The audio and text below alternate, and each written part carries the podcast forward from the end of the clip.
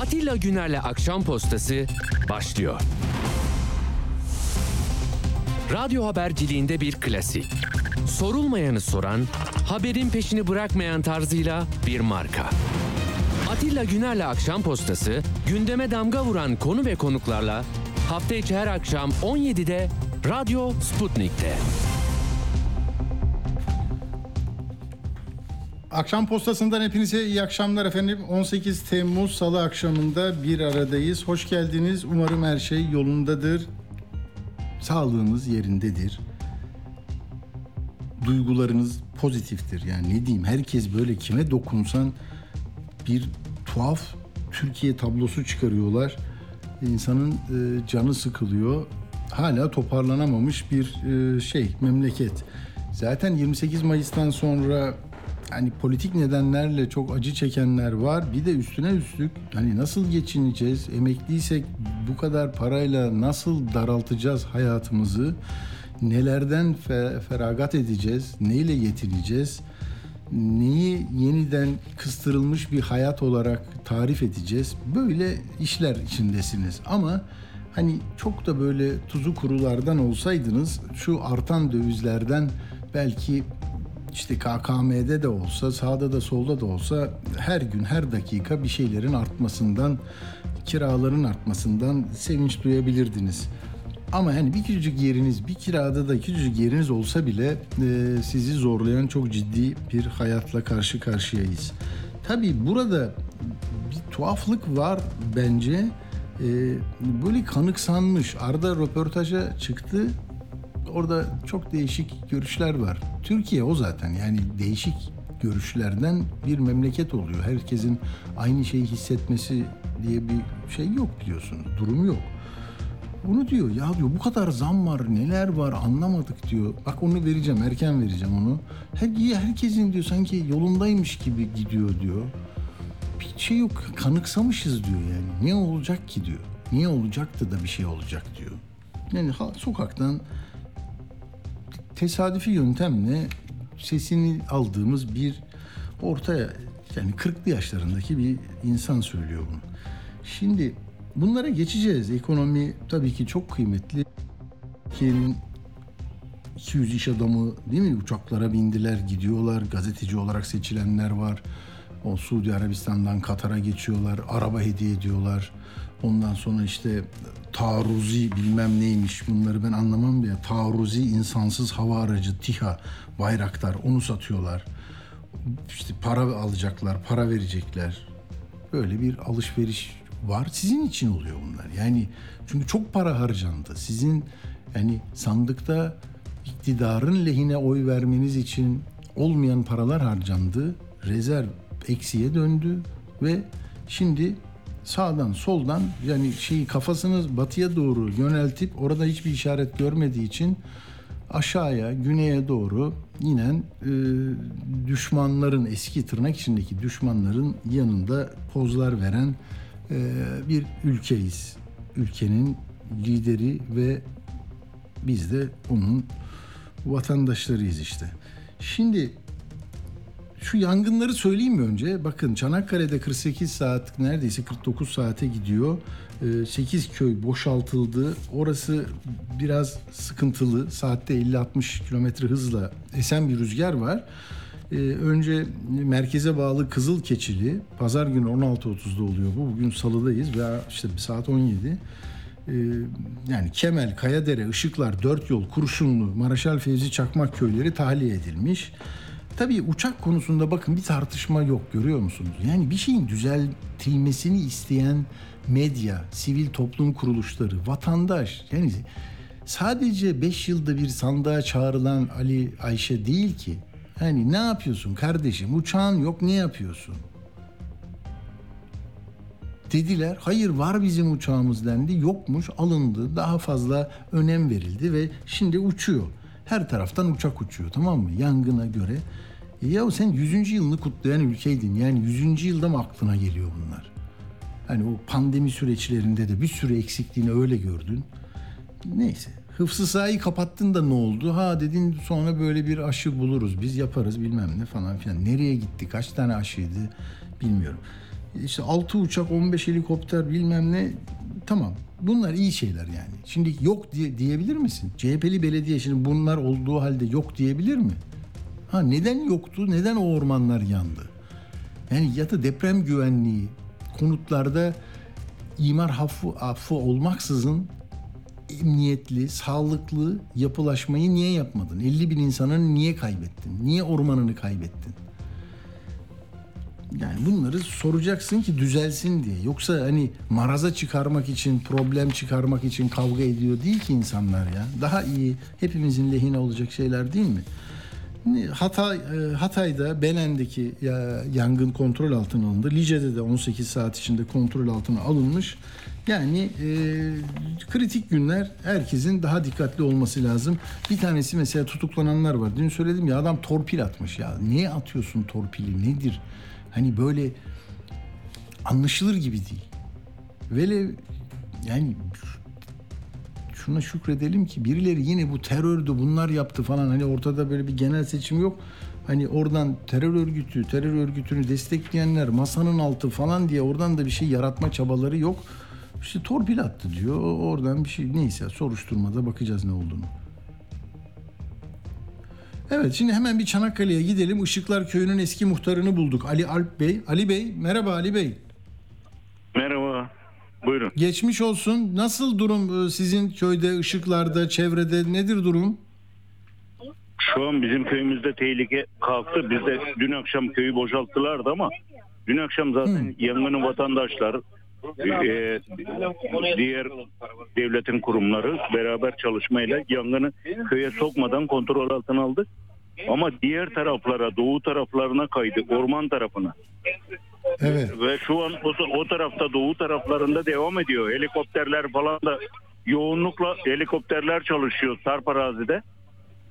Sarp arazide. Kaya Dere, Kaya Dere var orada değil mi? Kaya Dere. Kaya Dere'nin tam dört yol kurşunlu. Fevzi, Kurşunlu, Dört Fevzi Yol, Çakmak. Kayadere, Kemel, Fevzi Çakmak, Kızılkeçili ve Yukarı Okçular köylerini kontrol altına aldılardı dün dün itibariyle. Tamam. Şu an Kurşunlu, Kemel, Kızılkeçili, Işıklar, Dört Yol bu bölgeler kontrol sağlandı. Sağlam. Siz döndünüz mü köyünüze? Siz döndünüz mü? Ya şu an ben köydeyim. Zaten köydeyim. Biz, tamam. biz yangın söndürmeye gittik dün. Yani yanan yerleri vatandaşlarla beraber yangını traktörlerle vatandaşlarla arazör arazörle arazörle beraber yangını dün köye sokmadık. Dün itibariyle hmm. kontrol bizden tarafı kontrol altına aldık. Batı tarafını, Çanakkale tarafını. Ama şu an Anladım. doğu tarafında Fevzi Çakmak tamam. tarafında devam ediyor Sarp arazide. Alevler görünüyor mu? Siz de bakıyor musunuz? Alevler, alevler var mı? Şu an uçakların döktüğü yeri tam net olarak buradan görülmüyor ama uçaklar bizim üzerimizden geçiyor. Su, su alıp hmm. buradan geçiyorlar zaman zaman ve o tarafa devam ediyorlar. Hatta o köyden birisiyle görüştüm yarım saat önce. Bir, bir yer var dedi. Orada kontrol altına alındı mı kontrol altına alınır. Eğer orayı atlarsa daha çok tehlike arz eder dedi. Ormana girer dedi. Biliyoruz. İnşallah o orada Olmaz. yangını bastırırlar, önlerler. Bu gece önler, önlerler diye düşünüyoruz. Bir de rüzgar nasıl Ali Bey? Rüzgar nasıl? Rüzgar şiddetli çok mi? Etkili değil. Çok şiddetli değil burada. İşte onun için biraz avantajı var. Evet. Yangını kontrol etmede kurumların. Şu an bize uzak zaten artık. Bizden uzaklaştı yangın. Bizde bizde sorun yok. Burası da kontrol Anladım. merkezi. Bizim burası hmm. kontrol merkezi. Burada zaten ekipler falan kalmadı. Sadece kontrol merkezi var. Birkaç araç var. Su depo taşıyan araçlar. AFAD var. Burada çok fazla yoğunluk kalmadı. Burada şey, evet. tehlike olmadığı için. U- uçaklar, hava araçları yeteri kadar geliyordu değil mi? Helikopteri, uçağı. Tabii tabii. Daha... tabii, tabii, tabii, tabii. Burada ben yarım saat önce araç, hava araçlarına baktım. 8-10 tane hava aracı Çok. devamlı çalışıyorlar. Türk Hava Kurumu'nun da kullanılmaya başlanmış. O bir dönem kullanılmıyordu. Dolayısıyla bayağı hem askeriyeden alınmış hem AFAD'dan alınmış. Peki e, çok geçmiş olsun e, Çanakkale'de e, umarız bunu en hafif hasarla atlatırız. Işıklar Köyü'nün eski muhtarı Ali Alp ile görüştük. Teşekkür ederim. Tekrar geçmiş olsun. Teşekkür ederim. Sizlere de kolay gelsin. Sağ ol, sağ ol. Evet buradan devamını e, takip ederiz. Şimdi bir de Ankara'da bugün ürkütücü bir kaza haberi geldi. Böyle kırmızı kırmızı yazıyor televizyonlarda ya. Kaçıncı kez ben hayatımda yani hep böyle makine kimya enstitüsünde şurada patlama burada patlama. Neyse şimdi e, ucuz atlatıldı diyeceğiz ama yani ne ucuz atlatılıyor? Ne kadar sıklıkla oluyor bu kardeşim? Ne dört yaralı var. Ee, birisi nispeten daha ağır deniyor. Vali gitti Ankara'da. İşte bakanlıklardan açıklamalar var. Hmm, Araştırılıyor diyor. Ama şeyde çok e, çarpıcı bir haber gördüm. Ee, Yahu şöyle bir şey olmuş. İş güvenliği müdürü Ma- Makine Kimya Enstitüsü'nün Birol Hürtürk erken emekli olmuş. EYT düzenlemesi gelmiş, ayrılmış tamam mı? Ben gidiyorum demiş. O ayrıldıktan sonra iddiaya göre hani iş güvenliği nedir ki kardeşim yazıyor orada işte yani havai fişek fabrikasında da bunu yapıyoruz biz maden ocağında da yapıyoruz zaten bizim işimiz bu tamam mı?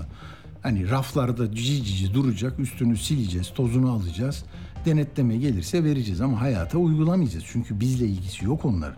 Onlar hani okumaya meraklı adamlar okuyacaklar aa ne güzel yazmışsınız her şeyi günü gününe. Şimdi buraya atama yapmamışlar ya. Eray Görgül'ün haberi bu. Diyor ki EYT düzenlemesi sonucu emekli olunca yerine atama yapılmadı. Sonra işte 5 işçi yaşamını yitiriyor. Daha önce roket ve patlayıcı fabrikasında. Şimdi de bu. Bu mesele. Şimdi Kayaş'taki o kapsül fabrikasında meydana geldi. Dört işçi yaralandı ya. Fosfor alevlenmiş, diğer prototiplere sıçramış e, falan. Ama e, atamayı da son anda yapmışlar. 2017'de üniversiteden mezun olan bir arkadaşı atamışlar. İşte bir buçuk ay önce atama olmuş iş güvenliğinden ve bu patlama olmuş. Yani bakın hani raflardaki fiyatın neden olduğunu, patlamanın neden olduğunu, yangının tabii olma ihtimali var. Bütün çabalarımıza rağmen olacak ama hani uçağın var mı yok mu kaç saatte kontrol altına alabilirsin? Yani sel baskını olduğunda evler dere yatağında mı? Kim izin verdi? Deprem olduğunda 50 bin vatandaşını, kardeşini niye kaybediyorsun? Sorularını sormadan sonuçları katlanılır gibi kabul etmek ve bundan da hani hiçbir ders almadan, sorgulama yapmadan fıtrat bilmem ne de, demekle bu işler olmayacak, düzelmeyecek ve böyle azala azala gideceğiz yani. Hakikaten öyle olacak. Şimdi e, niçin bunu söyledim? Bir- Biraz sonra bağlanabiliriz. E, Hatay'da ya bir koli su bulamıyorlar. Gördüm televizyonda yine Ferit Demir Halk TV'de yapıyordu. Kuyruğa giriyorlar. Böyle bir sivil yardımlaşma çabaları içinde yani bu pet şişelerdeki içme suyunu alıyorlar. Ama epey bir sıra dedim ki ya ne oluyor burada bu insanlar yani parasız mı su nakliye mi olmuyor? Bir, bir şey var burada dedim. Şimdi onu anlayacağız. Emre Bey'i bağlarsanız e, bölgede e, zaten e, mizahçı kendisi e, sosyal medya hesapları da var. Onunla konuşacağız. Ama az önce söylediğim meseleye dair bir ekleme yapmak istiyorum. Bu enflasyon falan diyoruz ya. Şimdi Anadolu Ajansı almış şeyleri denetleme yapacak olan kamu görevlilerini Ticaret Bakanlığı'nın Samsun'da, Antalya'da, Kocaeli'nde marketlerindeki fiyatları, etiketleri denetliyorlarmış. Böyle fotoğraflar var, konuşuyorlar. Sebze fiyatlarındaki fahiş fiyat artışı olup olmadığını kontrol ediyoruz. Haksız fiyat artışı var mı? Akaryakıttaki fiyat düzenlemeleri ve mevsimsel fiyat dalgalanmalarını bahane ederek fahiş fiyat, stokçuluk, tüketicileri aldatıcı uygulamalar var mı onu buluyoruz. Yani ekonomideki bu neden akaryakıttaki ÖTV'yi arttırıyoruz? Neden doğalgazdakini arttırıyoruz? Neden her şeyi üç kat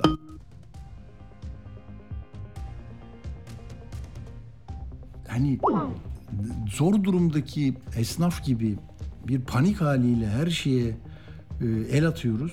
Onu konuşmuyoruz. Aa gel bakalım sen üç harfli. Ne yapıyorsun? Bak akaryakıtı arttırabiliriz biz. O bizim işimiz tamam mı? E sen niye bunu bahane ediyorsun?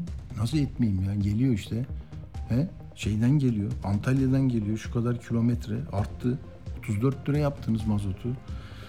İşte KDV'yi böyle yaptınız. Yok kardeşim öyle olmaz. Ben bakacağım senin şifre. Böyle gidiyor ya. Yani baktığımız yer ne kadar sığ, ne kadar böyle sabun köpüğü, hikayenin derini yok, arkası yok, illiyet bağı yok, neden sonuç ilişkisi yok, tersten kurulmuş her şey. Ee, böyle olunca da işte ne bileyim nereye el atsanız böyle oluyor. Neden o zaman Tele 1'i kapatmak istiyorsun? Adam televizyonda bir şeyi eleştirirken Sonra ne oldu? İşte dördüncü e, da, daire, dördüncü idare mahkemesi durdurdu. Yani ya böyle cesur bir şekilde olmaz bu kadar diyecek insanlara ihtiyacımız var ya da böyle insanların ülkesi olmayı hedefleyerek hepimizin bundan çıkaracağı bir ders var. Aksi takdirde yani hep söylerim ya yani Kavala'sından Demirtaş'ına Akın Ata, şey, Can Atalay'ından işte Merdan'ına kadar şarkı sözünde geriye dönüp hop bunun da böyle sözü varmış. Vay sen buna hakaret mi ediyorsun? Sen Sezen Aksu ne yapıyorsun? Sen burada ne yapıyorsun? Böyle herkese bir ayar verilecek yani. Öyle görünüyor. Peki Hatay'a bağlanabiliyor muyuz? Peki Hatay Peki beni uyarın ben o zaman normal akışıma gidiyorum. Nerede olursa olur hazırsa söyleyin. Şimdi madem bu işlere girdik Erdoğan ne yapıyor? İşte Suudi Arabistan'dan Katar'a 200 iş insanı var yanında. Dediğim gibi işte bu İHA'ları, SİHA'ları yapan Bayraktar'ın malını da satmışlar, anlaşma imzalamışlar. Ee, bu arada tabii Euro 30 lirayı aştı. Son durum ne bilmiyorum. Dolar da neredeyse eli kulağında 27 liraya doğru geliyor. 26.80 vesaireydi.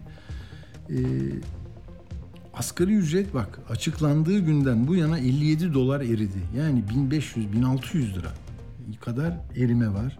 Daha elinize geçmedi. Ağustos'ta geçecek. E zaten kök ücret, kök ücret diyorum hep ona ya. Kök ücret üzerinden artış alanlar var. 8-9 milyon kişi hala 7,5'a gerçek anlamda gelemediler. Maaşlar yatırılıyor ya şimdi aylıklar. Görüyor herkes.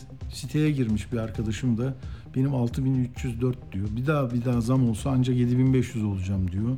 Hiç e, yani eskiden böyle işverenler bizim medyada, gazetecilikte, medya demiyorduk adına da o zaman habercilikte çalıştığımız gazetelerde bazen bir de muhasebeye gidip böyle bir zarfın içinde para veriyorlardı. Çünkü e, diyorlardı ki senin hani görünen maaşın bu, Bodrum'da bunu göstereceğiz. Bir de sana zarfla vereceğiz. Gençtik falan anlamıyorduk ki ne olacağını. Yani öyle diyordu. O da bir paraydı ve bir şey yarıyordu. Ve sonra tabii o emeklilikte vesaire çok aleyhimize oldu. Bir arada sonra müfettişler bunları tespit ettiler, yasaklandı. Herkes e, kaydı parasını alıyordu. Yani devlet de o hale düştü şimdi tamam mı? Bak sana veriyorum. Burada yazacak ama bir de böyle gayri nizami bir şey yapacağım sana. Bu yani kazanılmış hakkın değil tamam mı? Ulufe dağıtıyorum ben böyle kenardan. O hep öyle duracak. Sen de kenardan geleceksin onu alıp kapıp gideceksin. Böyle bir şey. Şimdi e, bakın notlarımda ne diyor? E, tarihi zirvesi 30.37 euro TL. E, bak son bir ayda yüzde 17. 2023'te ise 50 yüzde 51 yükselmiş. Hakikaten Avrupa'da bir seyahat meyahat aklınızdan geçirmeyin yani. Ee, bakalım faiz ne olacak diye merak edenler de var. 15 biliyorsunuz politika faizi 20'ye çıkacak deniyor. Bilmiyorum. Sterlin 35 lira olmuş. Ee, peki burada e, bu ÖTV'ler, arttırmalar, şey yapmalar, vergi salmalar sizin adınıza Nasıl bir tartışma yürütülüyor mecliste? Parlamento, parlamento diyoruz da eskisi gibi gücü yok ama ya seçimlerden yeni çıktık, ettik. Bunu biliyorsunuz zaten hani katılmamışlar oylamaya. Ya nasıl olsa bu adamlar bunu geçirecekler. Çoğunluk onlar da. Bak CHP'den 69 kişi katılmamış. İyi Parti'den 22. Yeşil Sol Parti'den 40 kişi. Bir de CHP'den bir arkadaş var. Adıyaman Milletvekili Abdurrahman Tutdere. O hayır demesi gerekirken evet demiş. Yani durumumuz bu. Kabul edilmiş yani. Kabul ediyorum demiş. O da sormuşlar ya sehven oldu, yanlışlıkla oldu falan diyor işte. Seçimden sonra işte bir bir buçuk ay çalıştılar. Şimdi gidiyorlar. iki ay, iki ay bizim yapacaklar. Tamam onlara kızmış olmak için söylemiyorum bunları da. Hani bazıları bunlar ne kadar az iş yapıyor, niye biraz daha e, hayatın içinde toplumsal muhalefeti örgütleyemiyorlar, yön veremiyorlar. Bir, bir itiraz için bir yer, bir meydanda STK'lar, sendikalar, emekliler, işsizler bir şey diyemeyecekler mi? Sus pus hani tıp oynuyorsunuz ya. Tıp tamam mı? Ama kendi hanenizde, kendi mevzinizi kazmışsınız. Oradan işte ben burada yaşamaya direneceğim. Ee, ne yapayım? Belki başıma daha kötü şeyler gelir mi dedirtiyorlar. Hava sıcak ondan mı oluyor bilmiyorum. Hakikaten çok e, tatsız. Az önce dediğim ya bu fiyat denetlemesi için gidiyorlar. Uğur'dan rica ettim. Burada kestikleri cezayı anlatıyorlar arkadaşlar. 150 150 bin 150 bin TL. Milyar TL. He? 150 milyar mıydı Uğur? Bir dakika Uğur bana attı. Çok büyük rakam geldi çünkü bana. Evet. Ee, 152 milyar. Ya Erdoğan geçenlerde açıklamadı mı? Ee, 40 milyar lirayı 3.7 milyon haneye dağıtacağız. Aile destek programında diye. Bir yandan da gitmişler esnafa sen bunu böyle yapıyorsun, şöyle yapıyorsun diye bunun 5 katını e, aşağı yukarı değil mi? Evet. Şey yapmışlar. Ceza kesmişler. Peki. Çok kısa bu Hatay'daki su meselesine gidelim şimdi hızlıca.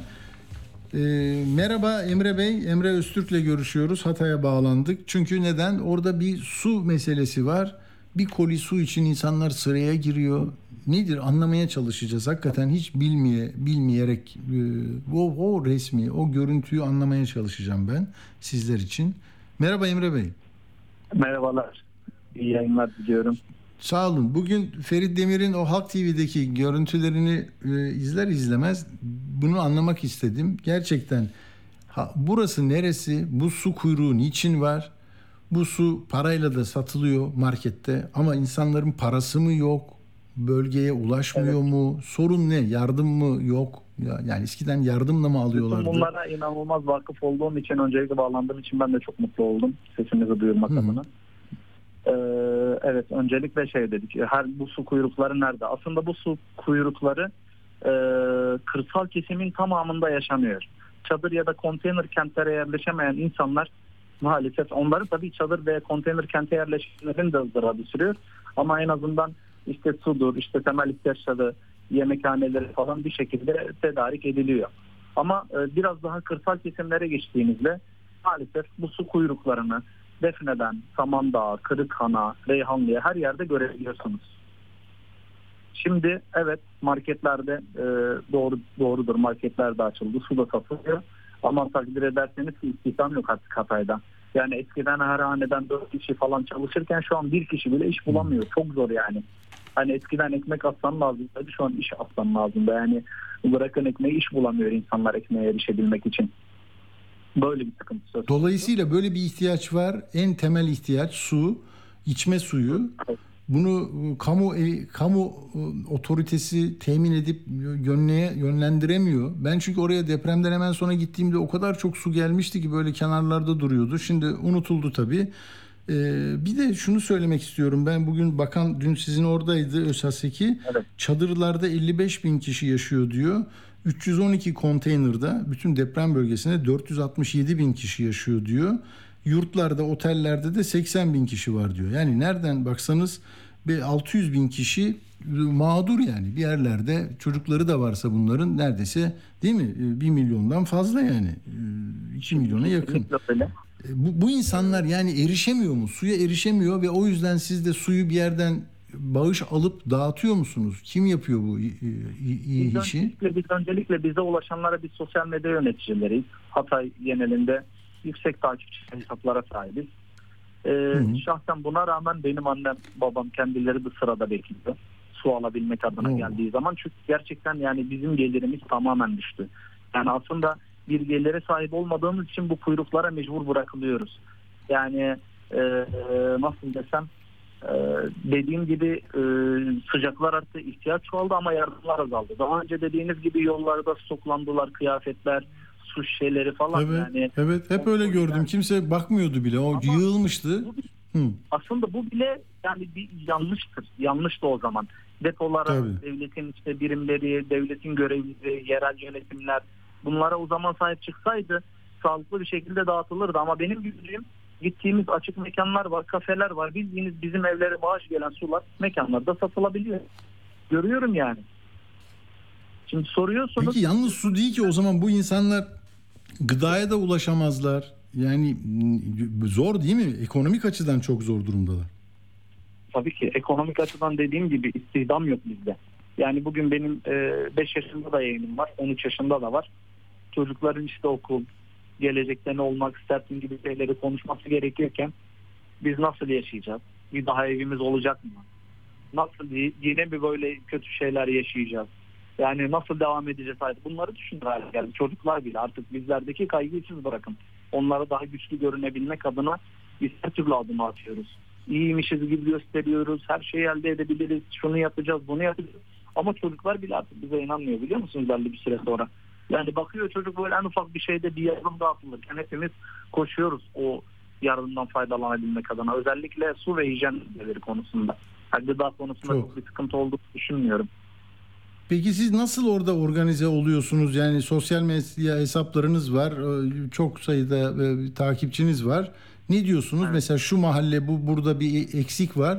İnsanlar oraya yönlendiriyor mu? Yani aynı yardım mı oluyor? Bir, bir kamyon su mu yolluyorlar? Para mı yolluyorlar? Kim yönetiyor bu operasyonu? Yani para para bu şekilde almıyoruz para. Hayır. Çünkü sosyal e, sivil toplum falan Yasak zaten öyle şeyler de Evet, sınırlandırılıyor. Yasak öyle şey. Biliyorum onları. Ama şey oluyor mesela örnek veriyorum.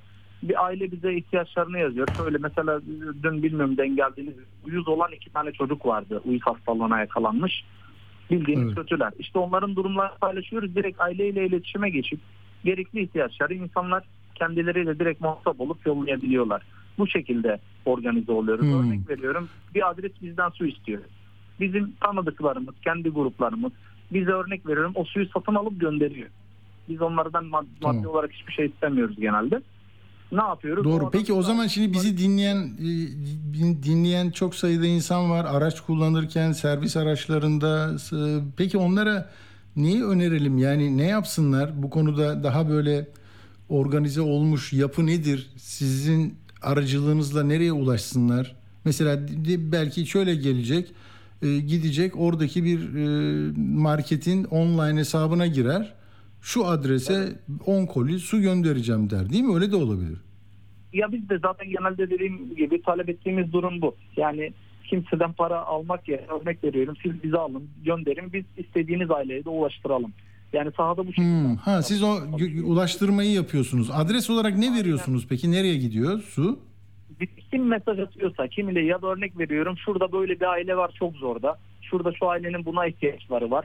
Ve genelde ulaştığımız hep böyle çok uzak kırsal kesimler oluyor. Yani buradan Tamam. ki tabii biz hiçbir şekilde ilçe ayrımı yapmıyoruz. Örnek veriyorum. Ben Peki buradan duyurabilir misiniz? Ee, sizin hangi hesaptan e, baksınlar ya da başka kimler var onların hesaplarından? Ya, Twi- Twitter'da Twitter'dan genelde gidiyoruz. Twitter'da işte Hataylı filozof olarak geçiyorum. Hataylı filozof Hataylı hesabı filozof. var. Onun haricinde bizim için çalışan bir sürü ekip arkadaşımız var. Zaten e, paylaşımlardan, etkileşimlerden kiminle çalıştığımızı çok net olarak görebilirler. Örnek veriyorum Hatay için çok büyük fayda sağlayan e, Samandağlı yine Binç Şekip hesabı var Twitter'da. E, onun haricinde işte Dünya Akın diye bir arkadaşımız var. Kendi de inanılmaz fayda sağlıyor bize. Yani biz, aslında ekibimiz de o kadar büyük ki böyle say say bitmez. E, ama dediğim gibi e, bir kamuoyu oluştursak bile yeter. Yani sesimizi biraz daha böyle devlet büyüklerine duyurabilsek yeter. Çünkü gerçekten bizim suya ihtiyacımız var. Yani su dilenir hale geldi. Su temel bir ihtiyaçtır.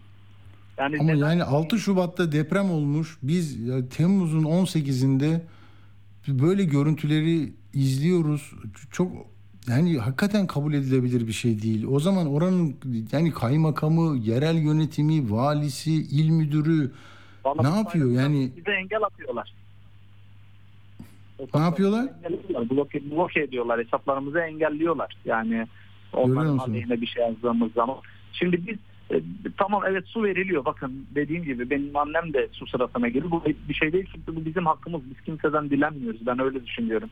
Bize destek olan insanlar sağ olsunlar. Kim olursa olsun. Allah hepsinden razı olsun.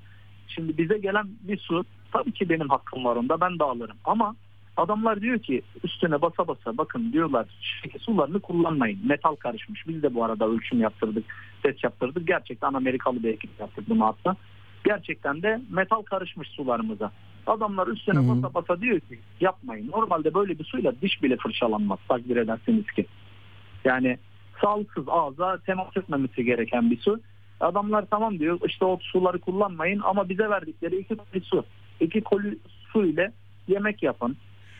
İşte her türlü temizlik ihtiyacınızı gibi istiyorlar. Zaten şebeke suları hani normal işte lavabo falan ihtiyaçları için de yetersiz gelmiyor. Sürekli kesik. Evet. Anlatabildim mi? Yani mecburen o bize verilen suları her şey için kullanabiliyoruz. Ee, Her şey için kullanıyoruz ve inanılmaz yetersiz oluyor. Yani düşün yani eve su getirdiğimizde bir koli su getirdiğimizde annelerimiz babalarımız çok mutlu oluyor artık bu durumda. Doğru. Çok çok acı bir tablo. Yani bu kadar olduğunu düşünmüyordum ben. Ee, Demek ki oraya dikkatimizi azalttık biraz. Yani Hatay'da bir, bir koli yani ne 10 litrelik bir suyu almak için belki de fazlası da verilmiyor. Böyle sıralarda bekleyen sıcakta insanlar vardı. O röportajlarda da üzüntülerini dile getirdiler. Ee, o zaman biraz daha bu konuya eğilmek lazım. Sizin dediğiniz gibi e, hesaplarınıza bakalım o zaman. Ben de e, takip edeyim sizi. Oradan e, bir dayanışma göstermek gerekiyor. Öyle anlaşılıyor. Evet ya özellikle çok bir şey istemiyoruz. Ya su bir insan neden su ister ki? Değil mi? Su yani düşünün su. Yani başka bir şey de talep etmiyoruz. Yani bu aralar bize bu sıcaklar bu kadar üst düzey üst seviyeye çıktığı günlerde su tüketmenin mesela şahsen benim babam rahatsız e, hem de hasta. E, Hastalık kat ve kat artıyor. Yani bu sıcaklarda. Yani illa ki Tabii. dediğim gibi su tüketimi çok daha fazla oluyor yaz aylarında. İhtiyacımız var çünkü vücut su istiyor. Ama maalesef Ona ne şüphe. Evet, marketler açık doğrudur ama benim gelirim yok ki. Ben çalışamıyorum ya da her haneden bir kişi çalışıyor artık. Zaten bulduğum mesela ev kiralamak isteseniz bugün Hatay'da bile ev kiraları 15-20 binden başlıyor. Yani düşünün hanede bir kişi çalışıyor. Asgari ücretle çalıştığını düşünün. Ev kirasını mı ödesin yoksa işte ihtiyaçlarını mı gidersin ne yapabiliriz? Yani gerçekten istihdam yok. Yani iş yok. Peki o zaman Emre Öztürk biz e, daha dikkatli olalım. E, Hataylı filozofa da bakalım. E, Orada azalan ilgiyi yeniden canlandırmak lazım. Öyle görünüyor. Katıldığınız ve bize bu bilgileri aktardığınız için çok teşekkür ediyorum biz. Ben teşekkür Sağ olun. ederim. Ağırladığınız için çok Sağ olun, teşekkür sağ olun. Sağ olun.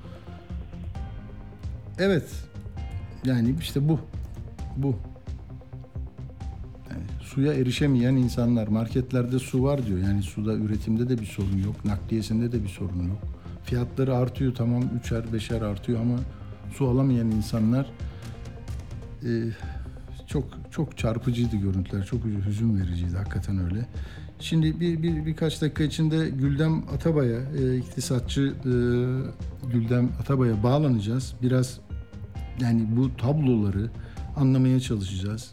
Kurlardaki hareketlilik, Türkiye'nin işte yakın zamanda ödemekle e, karşı karşıya olduğu büyük bir dış borç ödemesi ve fiyatlar, fiyatlar da zaten biliyorsunuz tarım tarımda şimdi üretici fiyatları ne kadar artmış geçen ay yüzde dört diye açıkladılar. Daha bu Temmuz'un ne kadar ağır bir e, tablo ortaya çıkaracağını herkes tahmin ediyor. Ee, o zaman bağlanmış e, Güldem Hanım. Merhaba Güldem Hanım, hoş geldiniz. Hoş bulduk. Merhaba Özgür Bey. Teşekkür ederim davetiniz için. Buyurun hoş geldiniz. Şimdi biz evet bir e, Erdoğan'ın e, yani ihtiyaca binaen bir çıkması lazım değil mi? Gitti e, ve çantası var satacak bir şeyleri isteyecek. Ekonominin iyi iyi yolda olmadığını kabul etmeyen bir anlayış var zaten. Her şey yolunda deniyor ama kazıdıkça altından işte suya erişemeyen Hataylı insanlara bile bağışlarla sular gittiğini gördük. Türkiye'nin böyle bir ikili yapısı var. Ee, siz nasıl değerlendiriyorsunuz? Yani taşıma suyla bu işleri götürme kararı e, bizi biraz daha böyle refaha götürür mü? Yani biz sıkıntılarımızı azaltacak bir şey peşinde mi bizi yönetenler? Asya Bey aslında hani seçimden sonraki süreç değil sadece. Seçimden önceki uzun yıllar boyunca AKP'nin Erdoğan hükümetlerinin bir e, temel bir stratejisi yok. E, işte dünya konjonktürüne bağlı olarak e, dışarıdan para bulunduğu zaman ekonomik büyümenin rahatça elde edildiği eğer bu bulunmazsa işte rezervlerin kullanıldığı e, artık hatta talan edildiği bütçe yönetimi yükseldiği de sadece büyüme ve seçim kazanmaya odaklı bir e, ekonomi politikası hı hı. izleniyor. Buna bir strateji denemez. Bu bir istikrar programı da değil. Bu bir e, işte makroekonomik değişim programı değil. E, diğer taraftan e, geleceğe Türkiye'yi hazırlayan hiçbir uygulama yok. Şimdiki hı. döneme gelirsek seçim öncesinde çok büyük bir savurganlık dönemi yaşandı. Evet seçim bu sayede kazanıldı. Bu bir gerçek. Fakat bunun ekonomik maliyeti çok yüksek oldu. Yaşatılan sorunlar e, AKP'nin önemli bir seçmenin tarafından hissedilmedi özellikle Anadolu tarafından. İşte e, hem asgari artışları hem bu memur zamları, e, harcamalar, faizleri düşünüp vermek bunlar şekilde seçim kazandırdı. Ancak işte maliyeti Merkez Bankası rezervleri eksi 60 milyar dolarlara kadar e, tüketilmesi oldu. Elbette bir deprem etkisi var. Hani onun bir iki üç puanlık çıkarırsak bu sene bütçe aşırı gayri saati milli hasıla oranının %6'lar 7'lere kadar yükselmesi e, bekleniyor. Diğer taraftan bir cari açık sorunumuz var. Dış ödemesi var. Dolayısıyla AKP kendi yarattığı enkazı şimdi kendi devralıyor ve buradan yerel seçimlere kadar e, çıkabilmeyi umuyor. Çıkabilmek derken de öyle bir kuantum sıçraması yenilikçi bir hareket değil yerel seçimlerde işte büyük şeyleri hedefledi. 28 Mayıs gecesi duyduk ağzından. Onu kazanmak için e, bir takım e, sürdürülebilir kısa vadeli politikalar yapmaya odaklı. E, bunun başında da o döviz rezervlerini yerine koymak var. Yoksa TL'de işte bugün gördüğümüz gibi değer kaybı sürekli hale gelecek. Enflasyon çok daha hızlı çıkacak. Ve Türkiye bir ödemeler dengesi kriziyle tekrar karşı karşıya gelecek. Seçimden önceki günlerdeyse olduğumuz gibi. Şu anda yapılan bu. Dolayısıyla bize refah getirmeyecek. Ee, sadece rezervleri biraz doldurup aile politikalarla devam edip arkasından da yerel seçimleri kazanıp sonra zaten e, hani kimsenin öngöremediği bir süreç. Onu da o zaman bakıp değerlendireceğiz ama e, bir refah peşinde falan bir hükümet yok. Ha, evet yani çünkü e, öyle işaretler var ki e, bunun altından kalkmamız lazım diye e, Mehmet Şimşek üzerindeki ısrar da kısmen böyle bir şey galiba. Bir değişimi, bir dönüşümü daha işte e, rasyonel bir e, ekonomi politikası gibi bir makyaj da e, olunca e, bakalım nereye gideceğiz. Ama mesela büyük bir şirketi düşünürsek e, çok sayıda çalışanı var, böyle dünyayla e, alışverişi var. Onlar da mesela sıkıştıklarında kaynak arayışına giderler mi? Benzetebilir miyiz? Hani bir zor durumda böyle tıkanmış, e, kredi muslukları daralmış, e, sıkıntı içinde bir şirket de böyle mi yapar? Yani kaynak yaratmak için çaba harcar değil mi? E, ne dersiniz? Tabii. Yani şöyle bir şey var. Eğer şirketin işleri doğru stratejiyle ilerliyor ise birçok şirket öz sermayesini, öz kaynaklarını belli bir aşamadan sonra kullanmaz. Oraya ve kar biriktirir, sermayedarlara kar aktarmaya çalışır. Eğer bu halka açık bir şirketse o hisse senedine yatırım yapanlara kar aktarmaya çalışır. Neden? İşleri doğru yoldadır, doğru stratejidir. Hmm. Borçlanır, borçlanma maliyeti işini doğru yapan bir e, sektör ve şirket olduğu için düşük olur. Ve gerçekten o borç işini çevirir sonra da borcunu öder, döner gider. Şimdi dünyada da ülkeler böyle. Ee, ülkeler Hı. borçlanabiliyorlar. Birçok ülke borçlu. Ee, fakat iş hani evdeki altınlara satmaya geldiğinde bir şirketin e, sermayedarları açısından o zaman işte orada bir şey düşünmek lazım. Şimdi siz borç bulamıyorsunuz. Nasıl borç bulamıyorsunuz? Ödemeler dengesi geçtiğimiz hafta açıklandı. Ee, en son Mayıs sitesiydi. Sene başından beri ödemeler dengesindeki %30'luk %40'lık daha da büyümenin e, finansmanı tamamen Merkez Bankası kaynaklarından 25 milyar dolar civarında olmuş. Daha önce giren net hata ve noksan yani kaynağı bilinmeyen paralar artık kaçar hale gelmiş seçimden önce. E, doğrudan yatırım zaten konut sektörü dışında yok. O kimlerin aldığı her açıklanan sonuç e, satışlarından belli. Sıcak para tahvil tarafından, hisse senedi tarafından e, olduğu gibi kaçmış yerlere kalmış. Yani zaten orada bir savunganlık var. Şimdi diyorsunuz ki e, Türkiye'de hala işleyen şirketler var. Vallahi billahi ben işte elimde kalan son mallar bunlar. Ben bunları satayım biraz para verin. E, biz buradan dönüyoruz. Şu anda olan tam olarak bu. Yani bu sadece varlık fonu için altındaki şirketler e, hani bir yüzyılın emeği ile oluşan şirketler olarak düşünmemek lazım. Özel sektör şirketleri de böyle. E, TL'ye bu kadar değer kaybettiği bir hafta bu satışlar için pazarlamaya çıkan bir cumhurbaşkanı var karşımızda. E, dolar bazında çok daha ucuzlatmış hale geliyorsunuz. Belki bir 50 yıllık, 60 yıllık, 40 yıllık, 30 yıllık ARD şirketi ya da e, kurumsal hale gelmiş şirketleri de körfez ülkelerin e, hedefi olarak sunuyorsunuz. Şimdi körfez ülkelerinden doğrudan yatırım gelmesinde bir sorun yok. Ülkelerde petrol geliri çok fazla. İklim değişikliği Tabii. var. E, enerji için petrolden başka tür enerjilere dönme çabası var dünyada.